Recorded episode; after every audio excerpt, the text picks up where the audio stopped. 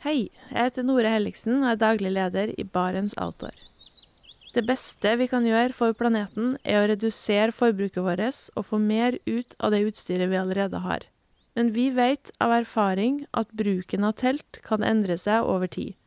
Det teltet du kjøpte for to år siden, passer kanskje ikke det behovet du har i dag. Derfor har vi i Barents etablert en egen panteordning der vi tar imot brukte telt av god kvalitet i innbytte når du kjøper et nytt av oss. Prosessen er enkel. På barentsoutdoor.no gir du oss informasjon om teltet du vil bytte inn. Basert på det får du et tilbud fra oss som gir deg rabatt på ditt neste Barents-produkt. Mer info og betingelser finner du på barentsoutdoor.no. Og husk at den første reparasjonen på produkter fra Barents er alltid gratis.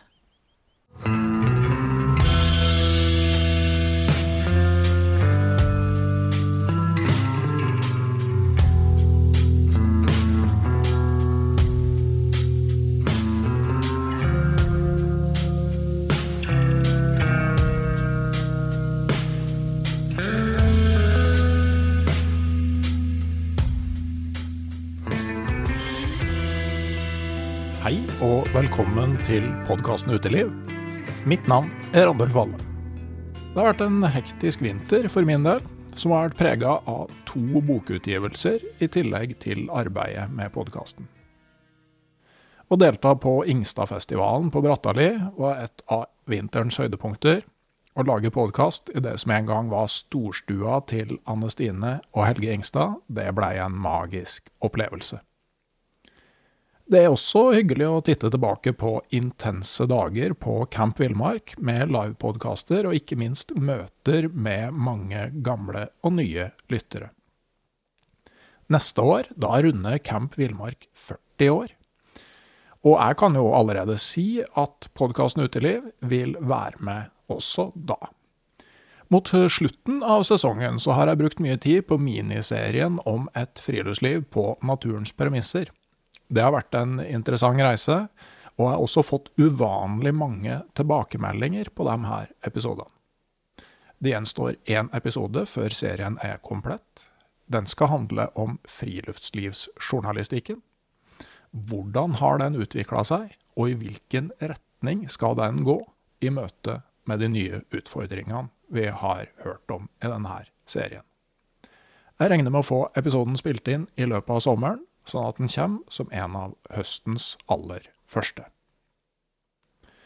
I løpet av vinteren så har jeg òg fått lagt ut en god del nytt på nettstedet mitt, randulfvalle.no. Blant annet ganske mange gassbrennertester. I tillegg så er hele boka 'Friluftslivet i Finnmark' nå tilgjengelig for ekspedisjonsmakkere på dette nettstedet. Boka er utsolgt og blir neppe trykka i nytt opplag, så sånn det er i dag, så er det her den eneste muligheten til å lese den. I tillegg til biblioteket, da, sjølsagt. Planen er også at den utsolgte boka fra Nordvestpassasjen skal legges ut her i løpet av høsten. Jeg tenker også endelig å komme i gang med publisering av tester av multifuel-brennere når vi nå kommer oss på andre sida av sommeren. Før jeg snurrer i gang dagens episode, så vil jeg også rette en stor takk til alle medlemmene i det digitale turlaget på Patrion. Dere er kjempeviktige for podkasten, og uten dere så hadde neppe uteliv begynt å tasse mot smått utrolige 200 episoder. Jeg tror at den grensa blir brutt en gang tidlig i 2024, og jeg har begynt å sysle med planer for hvordan jubileet skal markeres. Det er uansett fortsatt plass til mange flere medlemmer i det digitale turlaget, og hiver du deg rundt nå med en gang denne episoden her er gitt ut, og registrerer deg innen 20.6.2023, så er du med i en trekning av et enmannstelt fra Terranova, en gassbrenner fra Coleman og tre skikkelige bokbaker. Gå i så fall inn på patrion.com eller last ned Patrion-appen, søk opp podkasten Uteliv, og velg medlemsnivå. Det tar bare et par minutter, og du finner link i episodeinfo. Jeg vil òg nevne at jeg setter stor pris på samarbeidet med Barents Outdoor, Det er også viktig som økonomisk fundament for podkasten Uteliv. Vel, nå skal vi over til dagens episode. Den er et lite gullkorn som faktisk har ligget og godgjort seg helt siden Camp Villmark i 2022. Der fikk jeg besøk av et knippe flotte turfolk, og sammen snakka vi om tabber på tur. Jeg er ikke så veldig flink til å introdusere gjestene i denne episoden, men du får nå i rask rekkefølge møte Alexander Gamme, Stine Schulz Heireng, Erik Enich og Marius Nergård Pettersen. Vel bekomme. Roald Amundsen har jo vist at, eh, at planlegging det er det som mange kaller hell. God planlegging gjør at alt går som det skal. Men så er det da en del ganger at ting slett ikke går som det skal. Og veldig ofte så er det fullt fortjent. Og Derfor tenkte vi skulle ta en liten sånn gjennomgang av eh, ting som har gått gærent, og som har vært veldig, veldig fortjent. Uh, og eh, da, vi, da, jeg begynte å snakke om det her, så uh, Alexander, du mente at du hadde såpass mye erfaring at du ville være en sånn slags co-pilot? ja, takk for det. Nei, altså, nå sitter du og prøver å dra ut den tabbeskuffen. Og hvis, uh, for de som sitter her nå, så ser du at jeg har sånn lett, lettere desperat blikk, for jeg leter inni i pannebrasken etter historier. Men jeg har kommet på noe. Ja, og, du, og, som du sier, altså, eh, Det gjelder å finne de historiene som er virkelig gode, men som like fullt tåler dagens lys. Ja, det er den balansegangen som er litt vanskelig.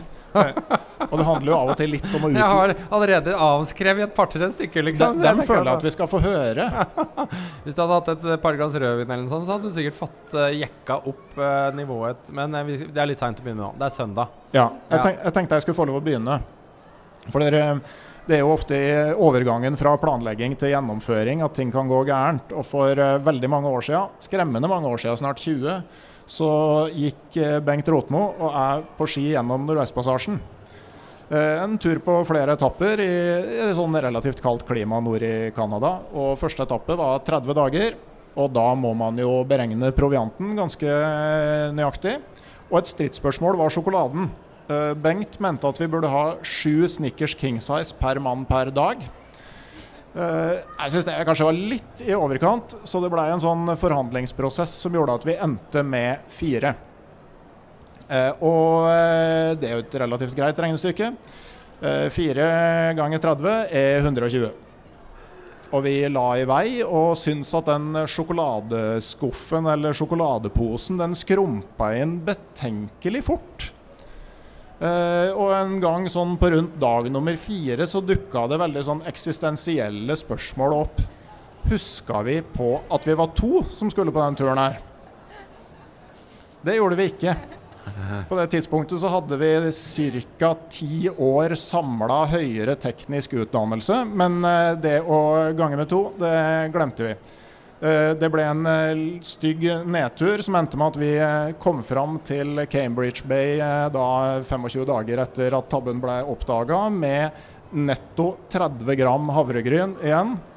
Og vi klarte å forspise oss før de begynte å servere middag på hotellet vi faktisk tok inn på. Så det er en sånn ja, enkel ekspedisjonslogistikk for utdanna ingeniører.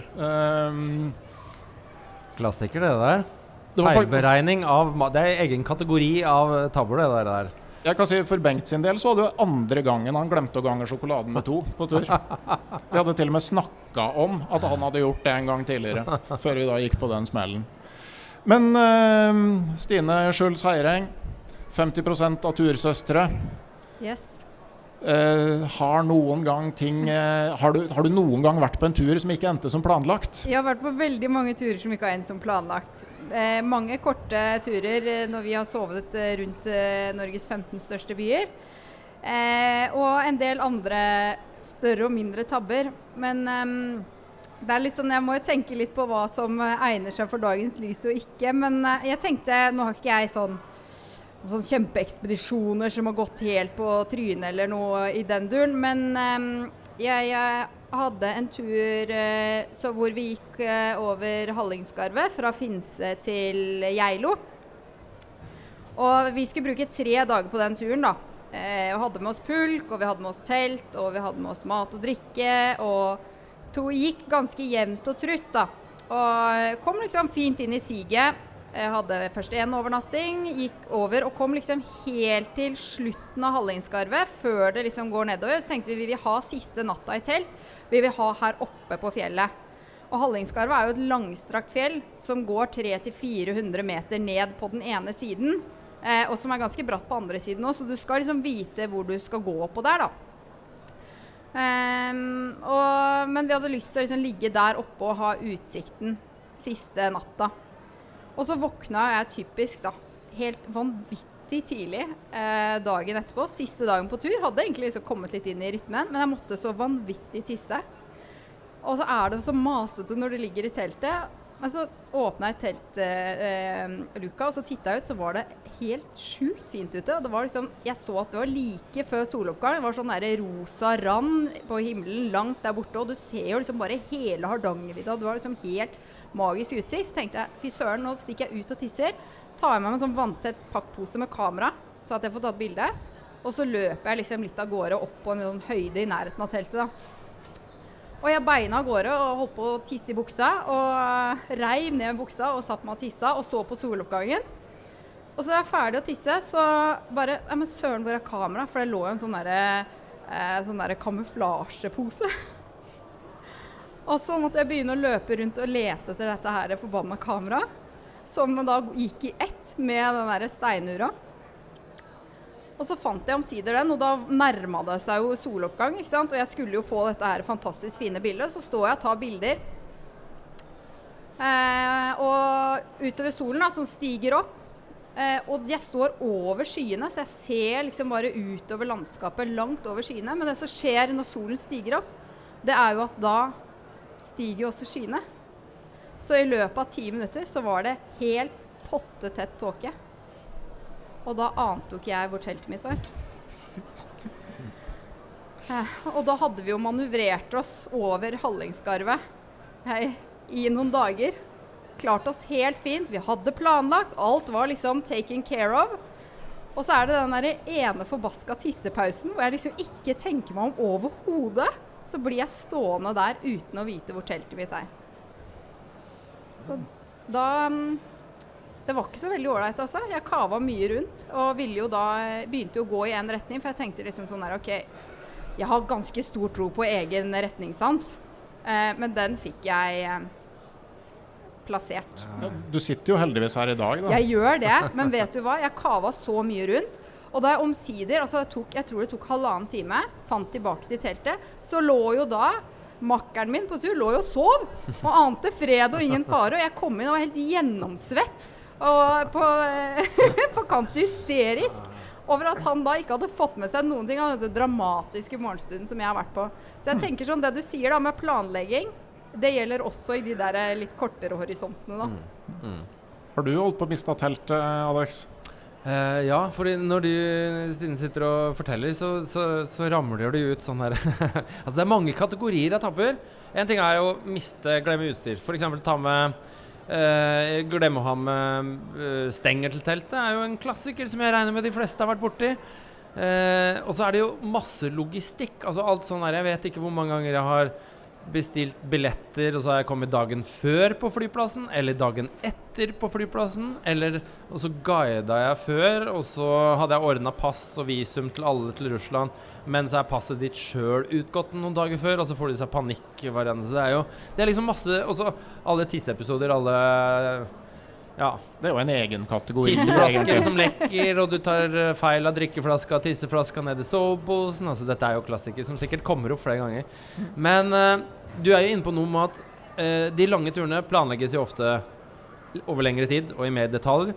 Uh, de kortere turene har i hvert fall jeg hatt sånn veldig mye Jeg tar det litt sånn som ja. det kommer. Og så blir det jo av og til noen sånn tabbehistorie som blir litt artig. Men det er faktisk én gang jeg Den gangen jeg holdt på å drite meg aller mest ut på en korttur, ble såpass alvorlig at jeg pleier å trekke den fram som en sånn derre Ja, ikke glem å planlegge og, og legge en plan B for og dette er, Vi gjør en kort historie, men i 2006 var det 800 år siden eh, Birkebeinerferden gikk for første gang.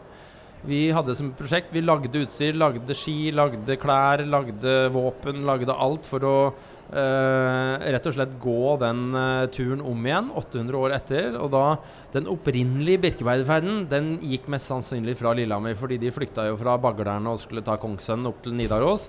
Uh, men Det er ingen som vet nøyaktig hvor det gikk, men det gikk nok mest sannsynlig fra Lillehammer og et eller annet sted kom ned i Østerdalen rundt Koppang. Så dette gikk vi inn og begynte å forske. Og, og det er klart at vi rakk å komme i mål med det meste, men vi kom ikke i mål med noe drikke. Altså vi, vi hadde med noe salt spekegreier som vi skulle spise underveis. Men uh, dette er en tur på 75 kilo, nei 75 km. Vi planla å bruke to døgn. Eh, og, og vi begynte å bli ganske dehydrerte på slutten av turen. Men så gikk det seg liksom Vi holdt på å fryse i hjel, men på den andre natta så begynte vi å nærme oss Østerdalen. Men vi hadde ikke noe kart, selvfølgelig. De hadde ikke så mye kart på den tida. De hadde jo veivisere, de, da, men vi kunne ikke bruke det. Eh, og så er det mørkt. Vi har ikke noe hodelykt, selvfølgelig. Eh, Vi har ikke noe mobiltelefon. Vi har jo ikke noe tekniske hjelpemidler, så vi er ganske lost. Og vi er tom for mat. Vi har ikke noe å drikke. Vi har liksom hodepinen pga. dehydreringa. Og så er det østerdalskaldt. Det er sånn 25 speike. Stjerneklart. Heldigvis blåste ikke så mye, for klærne våre var jo vindtette som et fiskegarn. Og så, og så er det hvor skal vi satse på å komme ned i Østerdalen? Og det er mørkt, og vi ser ikke, og det er granskau, og det er liksom dårlig sikt. Og så må vi ta det litt på måfå. Og det vi ender opp med å gjøre, vi sklir ned i et sånt juv som vi, ikke, som vi ender opp med å ikke klare å komme opp av. Altså Når vi har sklidd ned, så er det så mye snø at hvor enn vi prøver å klatre opp, så kommer vi oss ikke opp. Og klærne begynner å fy- gå fra hverandre. Eh, disse herre kaninfellskoa som vi har lagd, begynner å gå opp i, i, i liminga eller i søm. Og det begynner å dra seg på, liksom. Og vi er på andre natta, og vi bare begynner å sånn sovne litt i snøen. Og så tenker jeg kan ikke sovne nå, kan ikke sovne nå, da fryser vi i hjel. Og så til slutt så må vi ta en skikkelig sånn råsjans med å klatre opp noen greier som jeg aldri ville ha gjort igjen, og skli ned noen greier som vi ikke Vi så ikke hvor langt ned eller hvor det endte, men vi måtte bare satse på at det gikk bra. Og det der var litt sånn eh, både tabbe, men litt alvor i det, som, eh, som, som fikk meg til å tenke. Altså sjøl en liten tur fra Lillehammer til Koppang holdt på å gå galt. Mm. Ja. De fleste som er med her, har jo også andre oppgaver, så vi får eh, ta inn eh, folk sånn jevnt og trutt. Kan ta meg der. Mm. Eh, Noen tabber kan jo òg være ganske farlige for dem som for dem som gjør dem. Og du har jo drevet mye bratt friluftsliv. For de som var her på fredagen, så fikk de høre om den gangen hvor du ramla 30 meter ned. Ja. Mhm. Men jeg overlevde nå siden jeg sitter her, da, men selv om jeg er litt most i trynet. Ja. Men jeg har jo gjort mange andre tabber òg. For jeg bor, jo, jeg bor jo i fjellet. Så veldig ofte så, så går jeg ut med en gang jeg står opp. Og da og spiser ikke eller noen ting, bare kanskje bare drikker litt. Og så, og så stuper jeg ut av døra fortest mulig, for jeg er så glad i å komme ut om morgenen. Og det har jo skjedd flere ganger at jeg har glemt en del. Da. Så En gang så kom jeg langt opp på fjellet, og da gikk på randoski, altså på, med feller. Så kom jeg langt opp, og så tenkte jeg at eh, ja, få av meg fellene. Så, så, så, så tenkte jeg faen, hvor Jeg har ikke noe sekk på ryggen, jo. Nei, sekken den lå hjemme. Så da var det bare å få av fellene og så stappe dem inn under jakka og så kjøre hjem igjen. Så det var nå en gang. Og en annen gang så jeg, skulle jeg langt inn i Breheimen. Jeg kjørte så langt som veien gikk, da.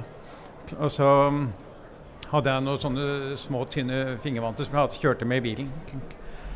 Og så kommer jeg fram og så finner fram sekken og legger på feller og skal begynne å gå. Og så tenker jeg hvor faen er vottene mine? Så jeg har glemt votter. Jeg tenkte jeg, kan- jeg må jo gå på tur når jeg først er her. Så, så tok jeg disse fellestrømpene, de som du har på fellene for at det ikke skal ligge lim mot lim. da. Og så tok jeg dem utapå disse vantene, og så brukte jeg dem som, som, eh, som votter oppover. da. Og eh, også nedover. Men det, det var ikke akkurat varmt nok. Dette var i jula, da, så det var ganske kaldt. Så da jeg kom hjem, så hadde jeg rimelig tæla hender. altså. Kan, kan du skyte inn før du fortsetter at, eh, at det med dårlig ordenssans kan av og til redde sånne situasjoner. Jeg har en eh, veldig god turkompis som eh, veldig ofte har kjørt store amerikanske biler som det veldig sjelden ryddes i. Og han eh, kom, hadde kjørt langt for å dra på toppjakt etter tiur eh, på ski, og kom fram uten skisko. Men han tenkte at det, det skulle være underlig om det ikke fantes et par skisko i den bilen her. da, Begynte å lete seg nedover i augen, og ganske riktig, i bunnen der sto det et par skisko som passa på skia som kom på jakt. Og En annen gang han også skulle på tur og hadde glemt maten, den sto på kjøkkengulvet hjemme, så tenkte han det samme, at det ville være litt rart om det ikke var litt mat i den bilen her. Han fant eh, mat og øl for to personer i fire dager. Så det med å ha det ryddig i bilen, det er veldig, veldig, veldig overvurdert. Nei, Jeg har jo klart å glemme staver òg. En gang jeg på, sånn, på en tidlig morgen mai-skitur oppe på Hemsedalsfjellet. Og hadde med skøyteski og tok ut uh, skia. Så hvor i helvete er stavene da? Og da ble det skøytetur på Skaren uten staver. Ja. Det å glemme nøkkelen til skiboksen er jo en klassiker. Ja, ja. Men, eh, men uh, du hadde vel en episode på Bre som, hvor det var litt andre risikofaktorer enn vanlig som slo inn? Ja, det var da jeg var, da var jeg 21, så var jeg eh, mo aleine oppe på Ustadsbreen. Da bodde jeg oppe på eh, et breskjær som heter Steinmannen, som er 1633 meter over havet. Og det var absolutt helt aleine. Dette var jo ute i slutten av juli, og det var liksom da det var maks snømengde. For eh, da hadde det jo snødd fram til da. Så da var det om å gjøre å grave en grop gjennom all snø som har kommet i løpet av eh, vinteren. da. Og, eh, og jeg måtte jo Så jeg venta til en dag det var noenlunde pent vær. da, Eller ikke bare noenlunde, det var veldig pent vær. Og så begynte jeg å grave da, tidlig på morgenen, så, for jeg visste det var mye snø. da, jeg visste jo ikke hvor mye. Begynte jeg å grave, og så kom jeg ned, for du skal grave deg helt ned til det som heter Firn, da, som er fjorårets snø. Og, og jeg grov og grov, og til slutt så ble gropa så djup at jeg måtte grave ut ei rampe til, til, eh, til eh, snøscooteren, altså til hengeren. da, til, eh, og så slik jeg fikk rygga det ned og så fikk hivd snø inn i den og så kjørt den opp igjen. Og det ble jo jævlig varmt utover dagen, spesielt når jeg kom nedover i gropa, så, så ble det jo ikke noe vind heller. Så jeg heiv av meg det ene plagget etter det andre, og til slutt så sto jeg der helt naken, bortsett fra med støvler. da. Og jeg grov og grov og holdt på hele dagen. Og langt utpå ettermiddagen, på, nesten på kvelden, så kom jeg ned på Firn da, etter åtte meter. Så det var, det var mye å grave. Og så måtte jeg ta målinger av de forskjellige snølagene og sånt noe, da, og, og tettheter og sånt noe. Så det tok jo litt tid. Og så endelig, når jeg kom meg inn, da, så så i trekanthytta så, så begynte jeg å Så fikk jeg spist litt når jeg var så sliten, og så og jeg bare liksom segna omkring om kull i, på brisken inne i hytta. da. Og så våkna jeg litt utpå natta at jeg skalv, og det brant, og jeg var, var delirisk. Jeg tenkte ikke klart eller noen ting. Og var helt, jeg var helt i ørska. Og, og, og så etter hvert så begynte jeg, og det begynte å brenne noe jævlig over hele kroppen. Jeg hadde rett og slett fått et alvorlig solstikk. Pluss at jeg var jo forbrent over absolutt hele kroppen. Da. Og dette var jo i 1975, tror jeg det var. Så det var jo, jeg hadde jo ikke akkurat så mye Det var, det var en flaske med Spenol oppå der. Og det var det eneste jeg klarte å få smurt meg inn med sånn noenlunde. Og så, og så så Men jeg, var, jeg tenkte veldig uklart, altså, for jeg var ganske sånn utafor. For det, det var en sikringsradio der, men det, men det tenkte jeg aldri på at jeg kunne bruke. Tenk om Så- det solstikket hadde slått inn nede i den gropa. Tenk liksom på en måte så flaut for ettermælet å ha blitt funnet i hjælfrossen kun iført sko nederst i en sånn åtte meter djup grop på, eh, Ja. På Jostedalsbreia. Ja. Nei, så, men så eh, begynte jeg å komme meg litt i løpet av dagen. Da, så begynte jeg å skjønne, og så, men så fikk jeg en natts søvn til. Og så, men da begynte jeg å skjønne, og så skjønte jeg at dette, nå må jeg komme meg ned og få tak i noe ordentlig, ordentlig solkrem, da, eller sånn eh, fuktighetskrem. Så da klarte jeg å komme meg til bygds etter hvert. Men, eh, så, men, det, var, det var en alvorlig tabbe, og siden har jeg vel vært litt flinkere med å smøre meg, ja. ja. Det er vel kanskje moralen her. Smør deg med solkrem. Tusen ja. takk, Erik. Ja, takk skal du ha. Marius øh, forsvant akkurat, Marius. Der var Marius, ja.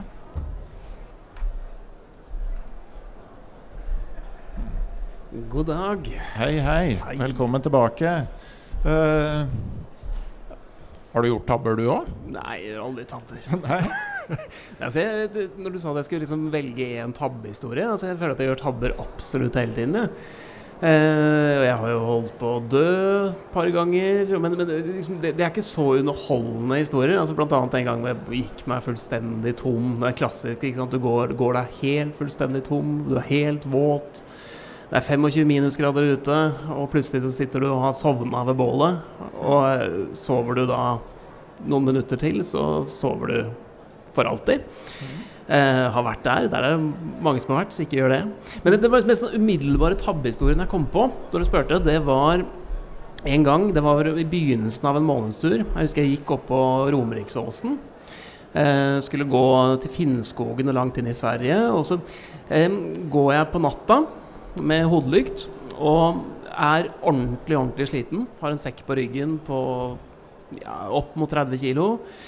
Det er på høsten, det er sånn, ganske, det er sånn rundt null grader, eh, men fortsatt åpent vann. Og jeg går rundt et svært vann og leter etter en leirplass. Og så er det ordentlig kupert. Det er stein overalt. Det er ikke noe sted hvor jeg liksom finner en god soveplass, et godt sted å sette opp teltet.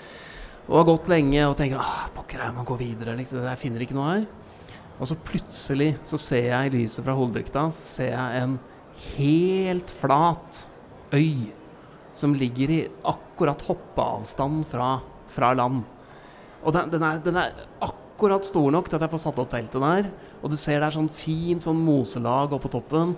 Eh, ordentlig sånn mykt og godt. ikke sant? Og den, den, er, den er flat. Og jeg, jeg blir så glad. Fantastisk bilde neste dag òg, Ja, ja, ja, så du kan tenke deg det, den lille øya mot skogen i bakgrunnen og soloppgang, og, og jeg blir så fornøyd. Så jeg tar da full sekk på ryggen, alt sammen, løper mot, mot vannkanten og hopper ut. Og så er det da konseptet flytemyr. Et sånt fint lag, ganske stort lag, med deilig mose, ser det ut som, fra toppen. Og da mannen på eh, 85 kilo treffer dette her med 30 kilo på ryggen og er fullstendig borte på ett sekund. Altså, jeg var helt fullstendig under vann og kunne jo egentlig ha drukna. Det hadde gått ordentlig gærent. Så den derre der, den der ordentlige store gleden fra det til å være søkkvåt og iskald midt inne i skauen Åh, herregud. Jeg brølte så høyt at det skremte vekk alle dyr fra området. Så du ble liggende der og tørke klær en stund?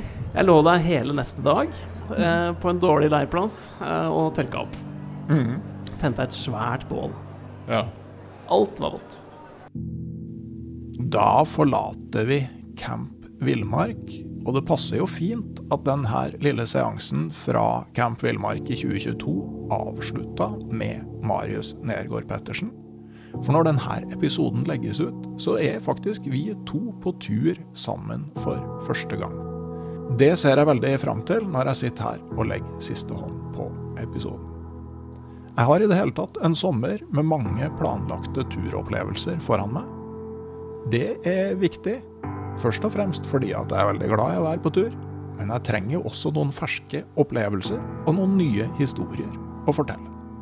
Til slutt minner jeg igjen om at du kan være med i trekninga av bøker, gassbrenner og telt om du blir med i det digitale turlaget på Patrion innen 20.6. Det finnes altså link i episodeinfo. Så ønsker jeg til slutt en riktig god sommer. Så regner jeg med at vi høres igjen en gang rundt midten av august. Ha det bra.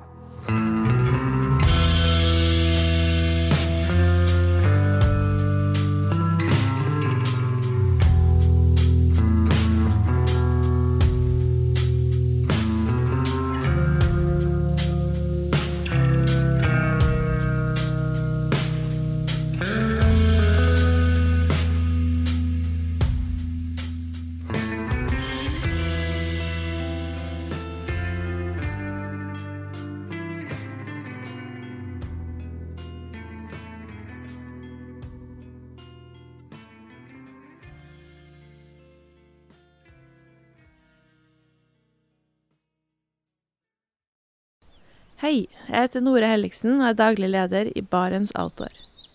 Det beste vi kan gjøre for planeten, er å redusere forbruket vårt og få mer ut av det utstyret vi allerede har. Men vi vet av erfaring at bruken av telt kan endre seg over tid. Det teltet du kjøpte for to år siden, passer kanskje ikke det behovet du har i dag. Derfor har vi i Barents etablert en egen panteordning der vi tar imot brukte telt av god kvalitet i innbytte når du kjøper et nytt av oss. Prosessen er enkel. På barentsoutdoor.no gir det oss informasjon om teltet du vil bytte inn. Basert på det får du et tilbud fra oss som gir deg rabatt på ditt neste Barentsprodukt. Mer info og betingelser finner du på barentsoutdoor.no. Og husk at den første reparasjonen på produkter fra Barents er alltid gratis.